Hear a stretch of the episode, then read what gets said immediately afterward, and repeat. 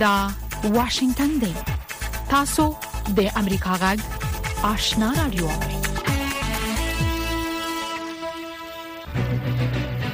قدرمن اوریدونکو السلام علیکم زه شافیا سردار یم دا د امریکا جغ آشنا را یو خبرونه پیل شوه لومړی به خبرونه واوري السلام علیکم درنوریدونکو ستړي مشي زه زیبا خادم یم دا د امریکا غږ آشنا رادیو خبرونه ده د نړۍ د دې ساعت خبرونو ته تاسو پام را اړوم د افغانستان لپاره د روسیې د جمهور رئیس خاص استازي زمیر کابلوف د نړیوال ټولنې لخوا د طالبانو د رسمیت پیژندلو په حق ویلي چې دا کار هغه وخت کېدای شي چې طالبان د ټول شمول حکومت په حق د نړیوال ټولنې غوښتنو ته پاملرنه وکړي زمیر کابلوف د ترکیې د دولتي اژانس اناتولي سره په مرکه کې ویلي دی چې د ټول شمول حکومت جوړیدل به د جنکو او د کزو د حقوقو په شمول د بشري حقوقو خوندیتوب او د طالبانو د حکومت د رسمیت پیژندلو لپاره ګټه وکړي د بغلان د ولایت په مرکز د پلخمري په ښار کې نن د اکتوبر په 14مه د امام زمان په تکیه خانه کې چاودنه وشوه د سیمایزو چارواکو په وینا په چاودنه کې مرګ ژوبله پیښه شوې ده د دغه ولایت د طالبانو د اطلاعات او فرهنګ رئیس اسد الله مصطفی هاشمي خبريالانو ته ویلي دي چې چاودنه د پلخمري د ښار په دویمه ناحیه کې د امام زمان په تکیه خانه کې شوې ده او تلفات پېښ شوې دي د سیمې د اوسیدونکو په وینا د لسنو نه زیات کسان وژل شوي او د 15 لسو نه زیات نور ټپي شوي دي اس کومې ډلې تر اوسه پورې د دې چاودنې مسؤلیت په غاړه نه دی اخیسته د افغانستان لپاره د امریکا د متحده ایالاتو خاص استاذي توماس وست خبر ورکړی دی چې د هرات د ولایت د زلزلې ځپرو سره سم دستي 12 میلیون ډالر مرسته کیږي تامس ویس د اکتوبر په 14مه د ایکس په شبکه کې لیکلي دي چې په دې پیسو به سم دستي زلزلہ ځپلو ته خواړه د سکلو پاکي وبو او سرپناوي برابر شي خاغلی ویس لیکلي دي مونږ په زلزلہ کې د انساني تلفاتو په ویر کې د افغانانو سره شریک یو او د افغان ولس تر څنګ ولاړ یو د واشنگټن نه د نړۍ خبرونه اوري په افغانستان کې د طالبانو چارواکو د پاکستان د صدر اعظم انور الحق کاکړ د یو پرونکو پیغام وروسته د افغانستان د زلزلې زبلو سره د پاکستان مرستې رد کړې دي یو طالب مقام امریکا غږ ته ویلي دي چې دا پریکړه د پاکستان د صدر اعظم د دې پیغام له امله شوې ده چې هغه په خپل ایکس باندې کې لیکلي یو الوتکه چې پنځه زره خیمې، پنځلس زره کمبلې، غذايي او طبي مواد او روغتیايي ډله په کې ده، افغانستان ته استوي او دا مرسته یې د طالبانو له غوښتنې وروسته برابره کړې ده. خو د طالبانو حکومت وایي چې د هیڅ هیواد نه یې د مرستو رسمي خواست نه دی کړی. د بشري حقوقو د څار ادارې ویلي دي چې د پاکستان نه د افغان مهاجرو د ایستلو په چارو کې د هغوی سره زور زیاتی او ناوړه چلند کیږي. د بشري حقوقو د څار په سازمان کې د اسیا د برخې مرستیالې د اکتوبر په 12مه وویل چې افغانان د ډېرې مودې راهیسې په پاکستان کې د دواړو هیوادونو ترمنځ په سیاسي لوبي کې ګیر دي او بشري حقوق نه رعایت کیږي د پاکستان حکومت ټولو هغو افغانانو ته چې په غیر قانوني ډول په پاکستان کې اوسي خبر ورکړی دی چې د روان کال د نومبر د میاشتې تر اولې نیټې پورې بیرته افغانستان ته ستانه شي د پاکستان په پا پایتخت اسلام آباد کې د پرمختیا ادارې د یو شمیر افغان مهاجرو کورونه وران کړی دي د بغلان د ولایت سیمایزو منابعو د اکتوبر په 14مه ویلي دي چې د پلوخمري د ښار په یو جومات کې د چاودنې له امله لږ تر لږه لستنه لمز کوونکي وژل شوې دي او 15 نور زخمی شوې دي مګر ځایي مطبوعاتو بیا په دې چاودنه کې د لږ تر لږه 15 کسانو د وژل کېدو خبر ورکړي او وایي چې شل تنه نور زخمی شوې دي د طالبانو د بغلان د ولایت د اطلاعات او فرهنګ رئیس اسد الله مصطفی خبريالانو ته ویلي دي چې چاودنه د پلخمري د خار په دویمه ناحیه کې د امام زمان په تکیه خانه کې شوې ده او تلفات پېښ شوي دي خو هغه د تلفاتو دقیق شمیر نه دی خوده مګر یو تن عیني شاهد د فرانس پریس خبري اژانس ته ویلي دي چې د چاودنې غږ ډیر وحشتناک او یو شمیر زخمیان روغتون ته انتقال شوي دي په پاکستان او افغانستان کې زورګونو مسلمانانو د اکتوبر په 14 مه د جمعې د مانځنه وروسته د اسرایل د بریدونو په ضد او د فلسطینیانو په ملاتړ مظاهره کړې دي سیاسي او مذهبي ګوندونو د پاکستان په پایتخت اسلام آباد او د کراچۍ، لاهور او پیښور په ښارونو کې لسګونه وړې مظاهرې وکړې او د امریکا او اسرایل بیرغونه یې وسوځول. یوې پنځوس کلنې مظاهره چی چې په لاهور کې د اسرایل ضد مظاهره کې برخه اخیستې و ویلي دي په فلسطینیانو باندې دومره ډیر ظلم او ستم شوی دی چې هیڅوک زغمل نه شي په عین وخت کې د فرانس پریس خبري اژانس خبر دی چې د کابل او جلال آباد په خارونو کې هم د فلسطینیانو څو سو ملاتړ کوونکو د اسرایل په ضد په مظاهرو کې برخه اخیستې و یو تن مظاهره کوونکي فلسطینیانو ته ویلي دي تاسو یوازې نه یې موږ ستاسو تر څنګ ولاړ یو موږ بې وزله یو مګر څه مو چې د وسې پوره کیږي هغه کوو د غزې سیمه چې د حماس تر قبضې لاندې ده 2 میلیونه او 300 زره نفوس لري او د 2014 کال راهیسې د ځمکې هوا او سمندري محاصرې لاندې ده او اوس اسرائیل د حماس د بریدونو نروسته د غزې په خلکو باندې د اوبو برېښنا او خوراکي موادو لارې بندي کړې دي د واشنگټن ډي سي او همداشان ډي سي ته څیرمه د مریلند ایالتي امنیتي مقاماتو د جمعې په ورځ د اکتوبر په 14مه د امریکا د کانګرس په شاوخوا کې امنیتي موانع ځای په ځای کړي او د يهودانو د کورونو او د هغوی د عبادت ځایونو امنیتي تدابیر زیات کړي دي دا امنیتي تدابیر هغه وخت ونیول شول چې د حماس پخوانی مشر خالد مشعل د خپل ملاتړ کوونکو نه وغوښتل چې د غزې په تړانګي د اسرایل د يرغل په جواب کې د جمعې ورځ د قهر په ورځ بدل کړي له تاریخي نظره دغه راز غوښتنو په غزې او لویدیځ غاړي کې لوی لاریونونه او ناکرارې پیښې کړې دي مګر د ان بي سي د خبري اژانس په حواله په متحده ایالاتو کې د کوم لوی بریز عامل شوی نه دی د افغانستان سیمي او نړۍ خبرونه د امریکا غږ واشنگټن نه اوري زرګونه ایرانیان نن د فلسطینیانو په پلوۍ د مظاهرو د پاره لارو او سړکونو ته راوتلي وو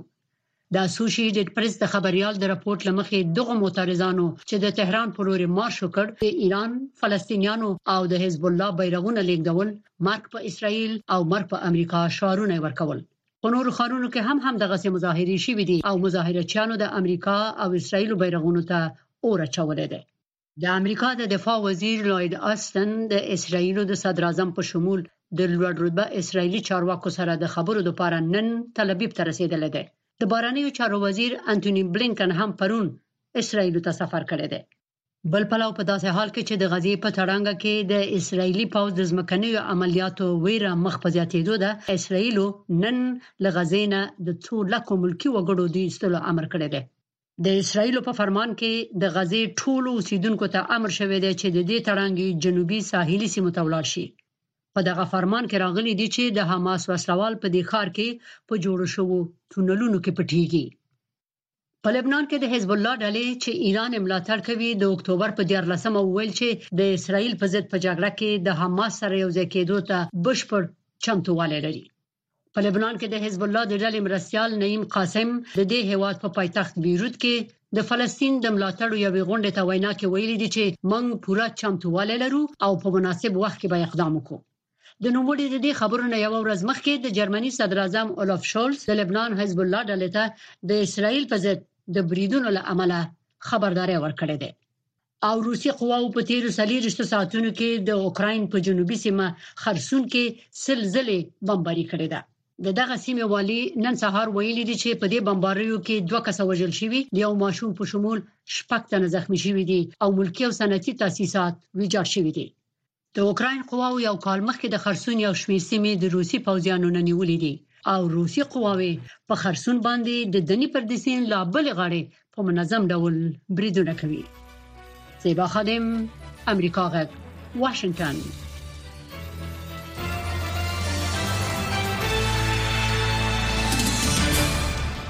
خبرونه مو د امریکا جغ آشنا رادیو څخه واوریدل قدرمن اوریدونکو زموږ په دې خبرونه کې د افغانستان سیمه او نړۍ د اوسنوي حالات په اړه کې مهم مطالب مرکه او د امریکا جغ سرمقاله لرو هله د خبرونه تر پای واوري لومړی به دا راپورټ واوري چې په افغانستان کې د جمعې په ورځ له فلسطینیانو سره د خواخوږي او ملاتړ څرګندولو لپاره لاریونونه شوي دي د کابل ښار د عیدګاه جومات سره په دې لاریون کې ګډون کوونکو د اسراییل او د هغوی د ملاتړو په خلاف هم فشارونه ورکړل. وینا کوونکو د افغانستان له خلکو وغوښتل چې د طالبانو د حکومت څخه دې ملاتړ وکړي. په دې باره کې پام وکړئ، د کابل څخه زموږ د خبریال اکرام شینواري رپورټ ده. د جمعې د لمانځه څخه وروسته په سلګونو کسانو د کابل ښار د ایدګاه جمعات مخته د اسرایل او فلسطینیانو ترمنځ پر روانه جګړه کې د فلسطینیانو د ملاتړ او د اسرایل د غندنې لپاره لاریون وکړ ناره تکبیر ناره تکبیر زنده باد فلسطین ژوندې دی د حماس مجاهدین مار په اسرائیلو مار په امریکا مار د اسرائیل په متحدینو مار په بې غیرته او بې ننګه منافقینو. د طالبانو ځینو چارواکو او ملاتړو دغه لاریون ته په وینا کې د فلسطینیانو څخه خپل کلک ملاتړ اعلان کړ او د عربي هیوادو په ځینو مشرانو یې د دې له امله انتقادونه وکړل چې د اسرائیل او فلسطینیانو ترمنځ په روانه جګړه کې د فلسطینیانو د ملاتړ غږ نه دی اوچت کړی. دې لاریون ته د المپیک د ملي کمېټې د طالبانو لخوا ګمارل شوي پخواني رئیس نظرمحمد مطمئن وویل چې فلسطین د مسلمانانو ځمکه ده. موږ به ان شاء الله فلسطین ته د عقیدې د ورور او مسلمان په صفت ورځو، له اقصی څخه به دفاع کوو او د اقصی او بیت الحرم دفاع په ټول مسلمان امت فرض ګڼو موږ هم فلسطینیان یو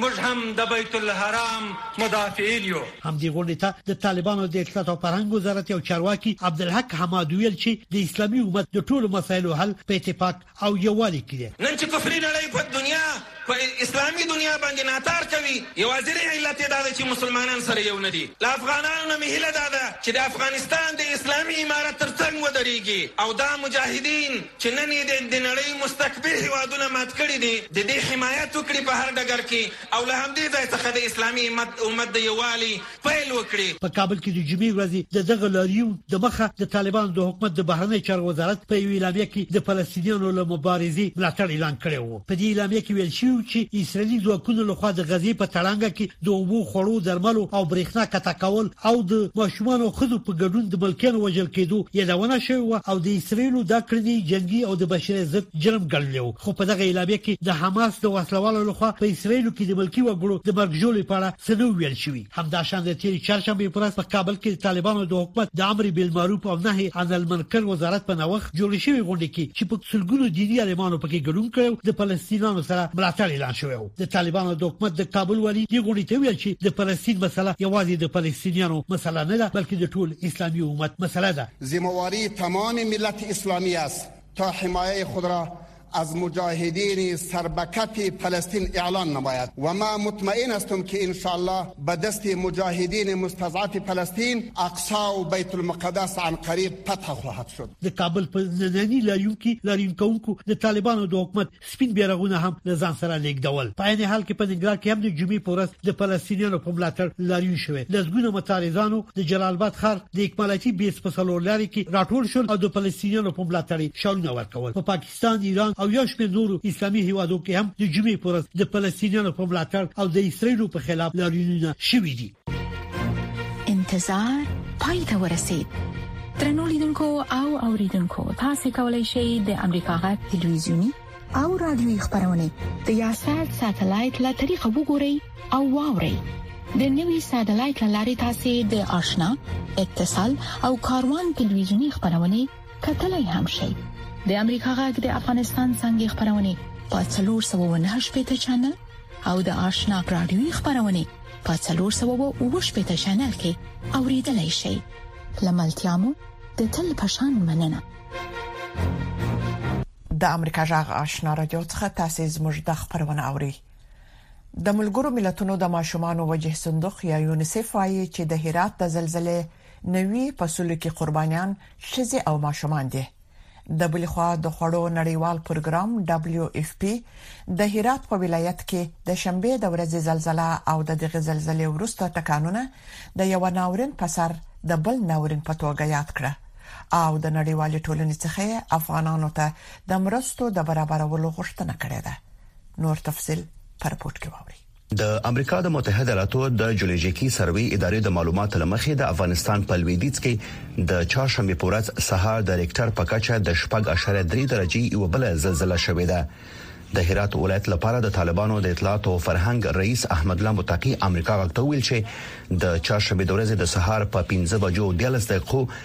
دغه زلزلې کې چې د ګلران انجیل او کوشکې روبات سنگي ولسوالۍ لړزولې دي لکه تر لګه یو سلو شل کسان ټپيان شوي دي په دې زلزلې کې موږ ځاني تاوان الحمدلله ځکه نه لرو چې د موږ دلته د هرات ولسونه اکثر الاول زلزلې نه ورسته د باندې بدیږي او له کورونه د باندې گزاره کوي دا چې د کورونه د باندې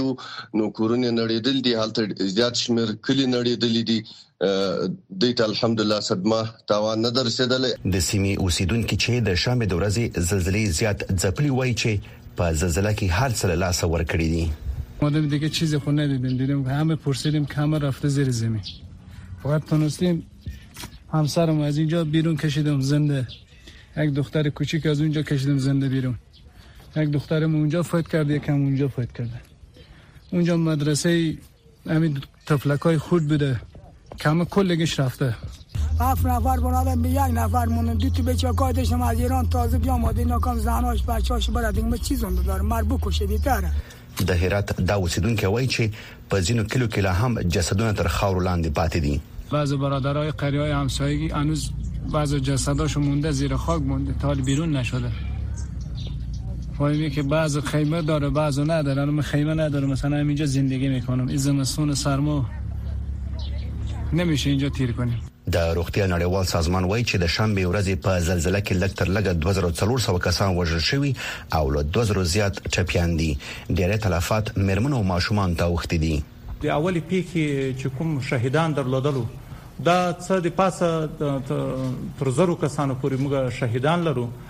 خلک په سیمه کې سختو بیړنیو مرسته اړتیا لري اروپאי ټولنه وايي د هرات د زلزلې ځپلو سره د 3.15 میلیون یورو په ارزښت بیړنۍ مرسته وکړه اروپای ټولنه به د افغانانو ملاتړ ته دوام ورکړي هغه څه چې موږ په واکه لرو و به کارو د دې مرستو ارزښت 3.15 میلیونه یورو دی چې د دې وی جوړونکو ناورین قربانیان ورته زیاته اړتیا لري ټولو اغیزمنو شویو کورنیو ته د سرپناه برابرول د طالبان د حکومت لپاره چې د 2021م کال په اگست کې د بیا واکمن کېدو راهیسې له نړیوالو مرستندویو سازمانونو سره خرابې اړیکې لري یو ننګونه بلل کیږي په هرات ښار کې د بې سرحد ډاکټرانو ټولنه وایي په زلزلې کې د زخمی شو کسانو درملنه هم ستونزې ایجاد کړې دي وحید فیضی د امریکا غږ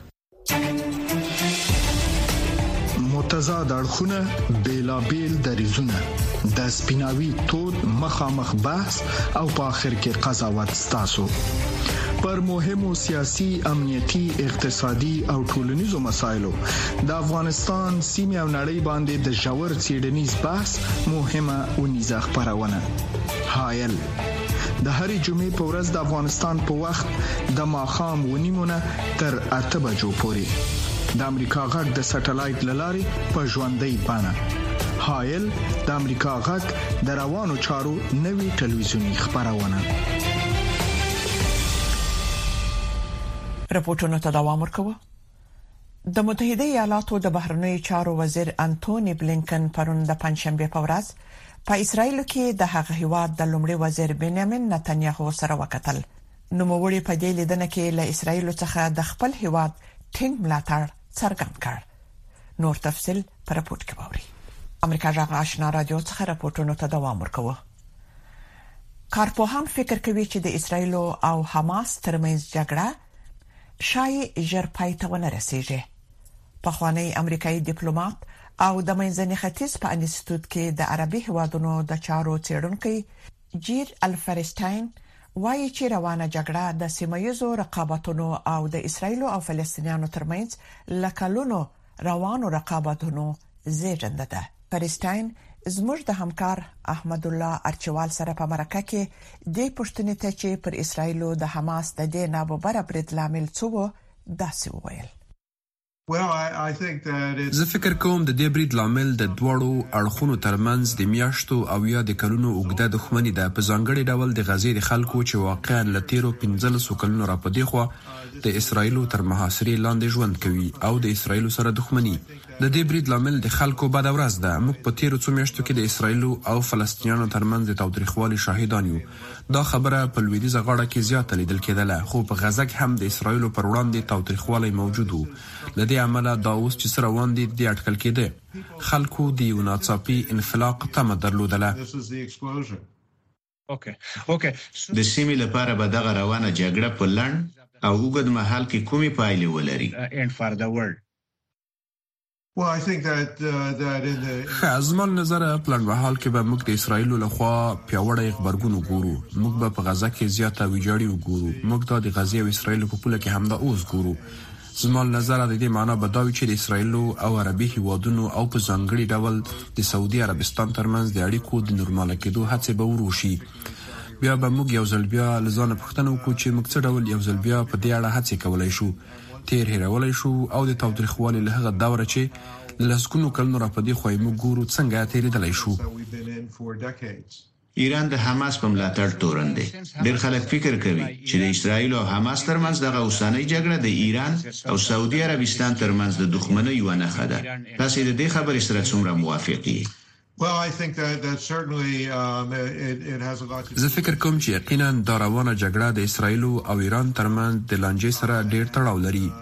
سعودي عرب او متحده عربي امارات له حماس ملاتړ نه کوي، ځکه دوی حماس ته د اخوان المسلمین د یوې خاښې په سترګه ګوري. خو اوس حماس د ایران او آن د حزب الله سره ځان غوټه کړی. دا کار به د حماس پر وړاندې د سعودي عربستان او د متحدو عربي اماراتو نظر لا پسې سخت کړي. څه فکر کوئ، روانه جګړه به ورځې، اونۍ او که میاشتو کې پای ته ورسېږي؟ نه دا جګړه به دوام وکړي موږ د اسرایل د لومړي وزیر هغه خبرې چې نوموړي وکړې ولیدلې حماس په غزه کې د لمنځه تللو د یوې هڅې سره مخ دی دا خبرې دا نظر چې روان تاوتریخوالی به ژر پای ته ورسیږي نه تاییدوي یقینا نړیواله ټولنه به د یو ډول اوربند په اړه فشارونو ته دوام ورکړي د ملګرو ملتونو د امنیت شورا به هم کوښښ وکړي خو ماته ښکاري چې روان تاوتریخوالی به تر یو څه وخت پورې دوام وکړي تاسې د نړیوالې ټولنې د رول یادونه وکړه، خو ډېر خلک نړیواله ټولنه او ستر هېوادونه په دې اړه، چې څومره چې په کار ده، په هغه اندازه د اسراییلو او فلسطینیانو ترمنځ د سولې لپاره پر فعالیت نه کولو ګرموي. ستاسې نظر څه دی؟ هو، یقیناً، زه فکر کوم له ډېرو کلونو را په دېخوا امریکا او د نړیوالې ټولنې د نورو غړو لومړیتوب دا و چې د اسراییلو او فلسطینیانو په لانجه کې فعاله تګلاره ونه لري، ځکه چې دوی هلته د جوړجاړي لپاره کوم امکان هم نه کاته. اګر چې خلک په دې پوهېدل چې هلته حالات خراب دي، خو خراب حالات د بهترۍ په لوري نه وو روان او په خپله نه شو سمېدلی. خو یقینا نړیواله ټولنه په دغه اړه بې تفاوته وه. طالبانو د افغانستان له دننه د امریکا غږ راډیو خبرونه درولې دي خو امریکا غږ په پوره شمنتیا خپل افغان اوریدونکو ته په پښتو او دری ژبه د کره باوري او هررخیزو خبرونو په خبرولو د افغانستان له بهره په 902 کیلو هرتز منځنوي سپو خپل خبرونه ته دوام ورکړي د دې ترڅنګ تاسو کولی شئ چې زموږ پښتو خبرونه په لاندو چپو هم واورئ پښتو سهارنې خبری خبرونه پر 2290.0 سپو اوریدل شي ما خبرنې پښتو خبرونه په 2140.0 2015.0 9815.0 14590.0 میګا هرتز لاندو چپو اوریدل شي سپینه خبره یا رکو را خبرونه په لاندو چپو 2015.0 میگا هرتز د نن او وضعیت یا روایت امروز خبرونه په لاندو چپو 2040.0 9915.0 2015.0 او ساسه غټ یا صداي شما خبرونه پر لاندو چپو 2015.0 نهه زره درې سوه پنځه پنځوس مګا هرتز اوریدلای شئ. دا د امریکا غږ آشنا رادیو ده. قدرمن اوریدونکو یو درویشت کلن زلمی وزیر خان په کابل کې د کوچنیو جنو او هلکانو لپاره د وړیا ټولګیو هڅه پیل کړې ده. ماشومان د مرستې ترڅنګ تر شپږم ټولګي پورته د جنو د ښوونځیو د پرانیستو غوښتنه هم کوي. د بلې خوا شنونکي وایي چې طالبان باید د مکتبونو د پرانیستلو ترڅنګ د ورته ځوانانو د هڅو ملاتړ وکړي نور حال د شمس آریان پر رپورت کې ووري دا د پلازمینې کابل بوتخاک سیمه ده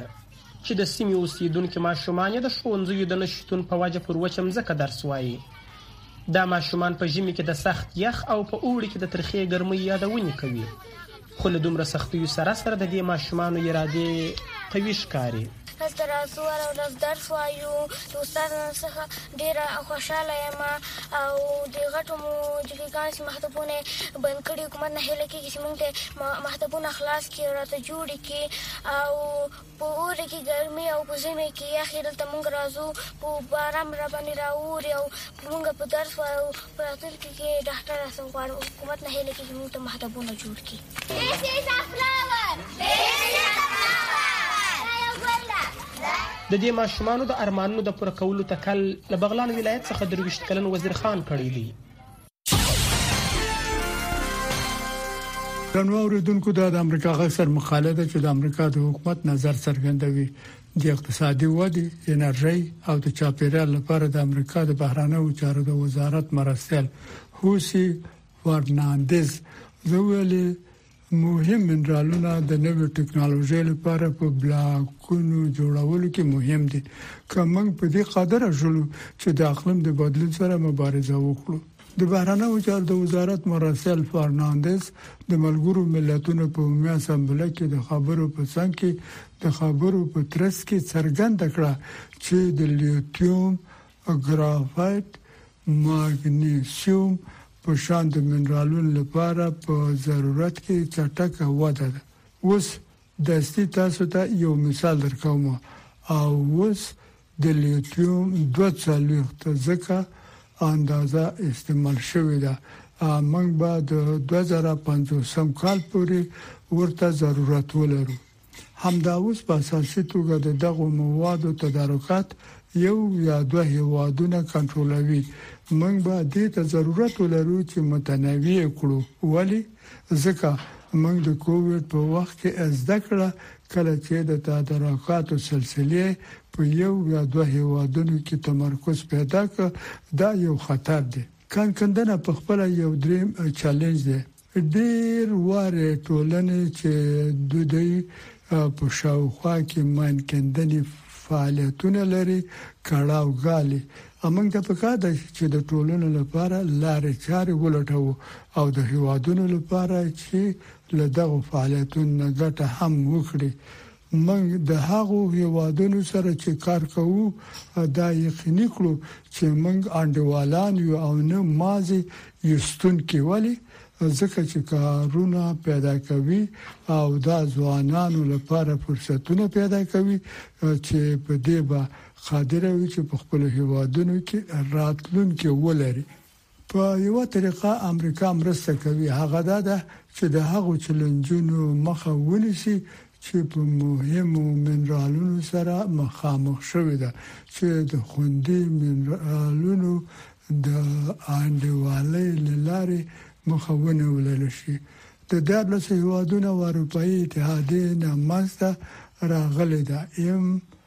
اېس اېن پي په دولتي او خصوصي سکتورونو کې په پانګه اچونه او ماليه او پرمختګ کې د ټولو انډيوالانو سره په ګډه کار کوي چې مسؤلانه کانکندنې پراسس کولو، ريسايکل کولو، کې فرصتونه منځ ته راوړي. د بهرنيو چارو د وزارت مرستيال فرنانديز ټينګار وکړ چې د اېم اېس پي اصول څرګند دي، موږ به دا خبره یقیني کړو چې زموږ شرکتونه د چاپیریال د لوړو اصولو پیروي کوي. د حکومتولۍ د اصولو د دې معنی دا ده چې اداري فساد ځای نه لري او موږ د ټولو سره همکار همکاري کوو. ټولنې باید د دې ډول پروژو نه ګټه هم لاسته راوړي که نه دوی به یې مخالفت وکړي او پروژې به پر مخ نه ځي. د بهرنیو چارو د وزارت مرغاسیل فرناندیز وویل، د اقلیم د بدلون د موجوده چلینج سره د مبارزې کولو په نظر کې نیولو سره موږ ته په کار ده چې د دې ډاډ ورکړو چې هېوادونه مجبور نه کړای شي چې د چاپېریال د تخریبولو او اقتصادي ودې ترمنځ انتخاب وکړي دا نه ده چې دا وکړي یا هغه یا سينارو دا د دوه هدفونه دي چې منګه په ګډه